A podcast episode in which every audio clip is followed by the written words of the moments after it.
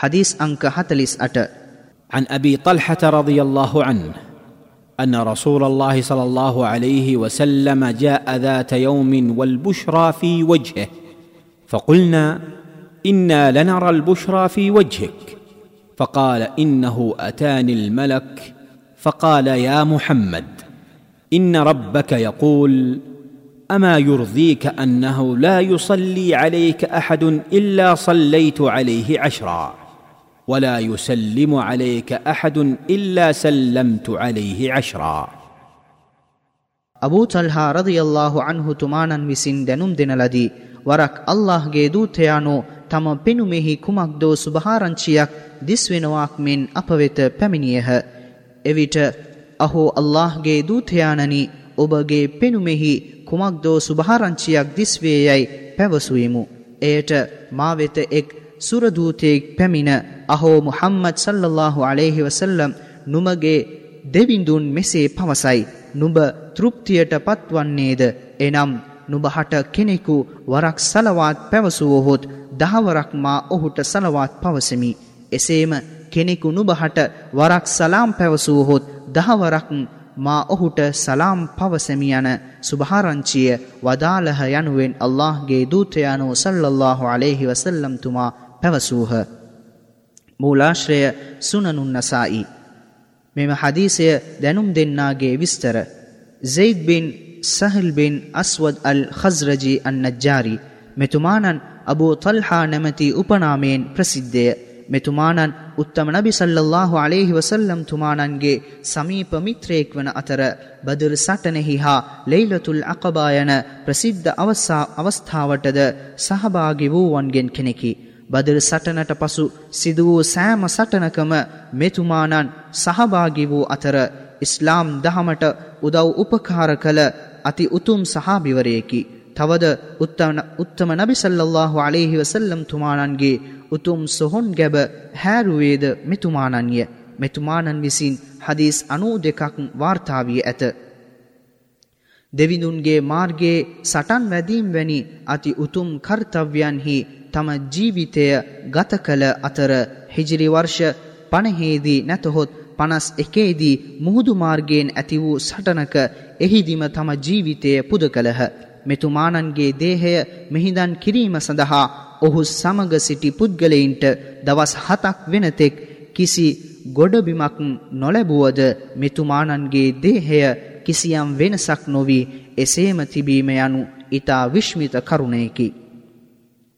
මෙම හදීසයෙන් උගත යුතු පාඩම් උත්තම මුහම්මඩ් සල්ලල්ලාහු අලයිහි වසල්ලම් තුමානන් හට අධික ලෙස සලවාත් හා සලාම් පැවසිය යුතුය යන්න මෙම හදීසය පැහැදිලි කරයි.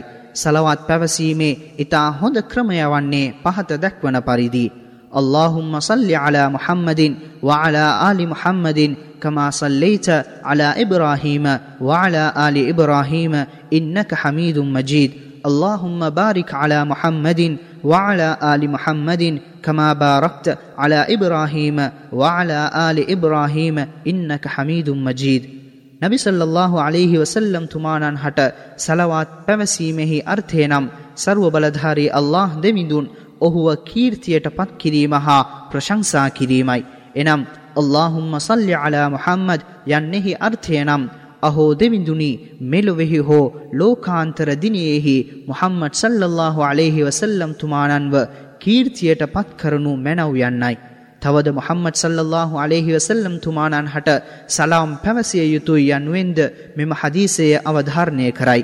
එතුමානන් හට සලාම් පැවසීම යනු එතුමානන්ගේ ජන සමාජය වන මුස්ලිම් සමාජය වෙත පැවරුණු අයිතිවාසිකමක්ය. පොදුවේ මුස්ලිම්වරයෙකු එතුමානන් හට සලාම් පැවසීම අනිවාර්ය වූ කරුණක් වන අතර විශේෂ වූ අවස්ථාවන්හිද සලාම් පැවසීම අනිවාර්ය කරුණකි. උදාහරණයක් ලෙස සලාතයේ තශහුද් අවස්ථාවෙහි තවද මස්ජිදය තුළ ඇතුල්වීම හා මස්ජිදයෙන් පිටවන අවස්ථාවන්හි එතුමානන් හට සලාම් පැවසීම වැනිය. කෙනෙකු වෙත සලාම් පැවසීමට නම් ඔහු තම ඉදිරියේ සිටීම කොන්දේසියක් වන අතර උත්තමනම් මුහම්මද සල්ලල්ලාහු අලේහි වසල්ලම් තුමානන්ගේ විෂයෙහි මෙම නීතිය ක්‍රියාත්මක නොවේ. කුමක් නිසාදයත් මුහම්මද් සල්ලල්ලාහු අලයිහි වසල්ලම් තුමාණන් හට සලාම් පැවසීමට නම් එතුමාණන් ඉදිරියේ සිටීම කොන්දේසියක් නොවේ. තවද මෙම නීතිය මුහම්මද් සල්ලල්ලාහු අලයිහි වසල්ලම් තුමාණන්ට පමණක් ආවේනික වූ නීතියකි. තවත් එතුමාණන්ට පමණක් ආවේනික වූ සංකල්පයක් නම් කෙනෙකු එතුමාණන් හට සලාම් පැවසූ කළ එතුමාණන්ගේ සොහොන් ගැබවෙත නොපිනිය නොපැනමිනියද නොපැමිණියද මෙම සලාමය එතුමාණන් වෙත දැනුම් දෙන ලැබූ. දැනුම් දෙනු ලැබේ. සලාම් යන වචනයෙහි අර්ථය නම් සෑම අයහපත් විපත්වලින් හා සෑම දෝෂවලින් උත්තම නබි සල්ලල්ලාහු අලයිහි වසල්ලම් තුමාණන් ආරක්ෂා ලැබීමයි. නබි සල්ලල්ලාහු අලයිහි වසල්ලම් තුමාණන් හට සලාම් පැවසීමේ ක්‍රම السلام عليك أيها النبي ورحمة الله وبركاته السلام عليك يا رسول الله السلام عليك يا نبي الله السلام على النبي වැනිය නබි සල්ලල්ලාහු අලයිහි වසල්ලම් තුමාණන් හට සලවත් හා සලාම් පැවසීමේදී තමා පමණක් තනිවම පැවසිය යුතු අතර සාමූහිකව එකට එකතු වී පැවසීම ඉස්ලාම් දහමේ දහම්ගත නොවූ ක්‍රමයකි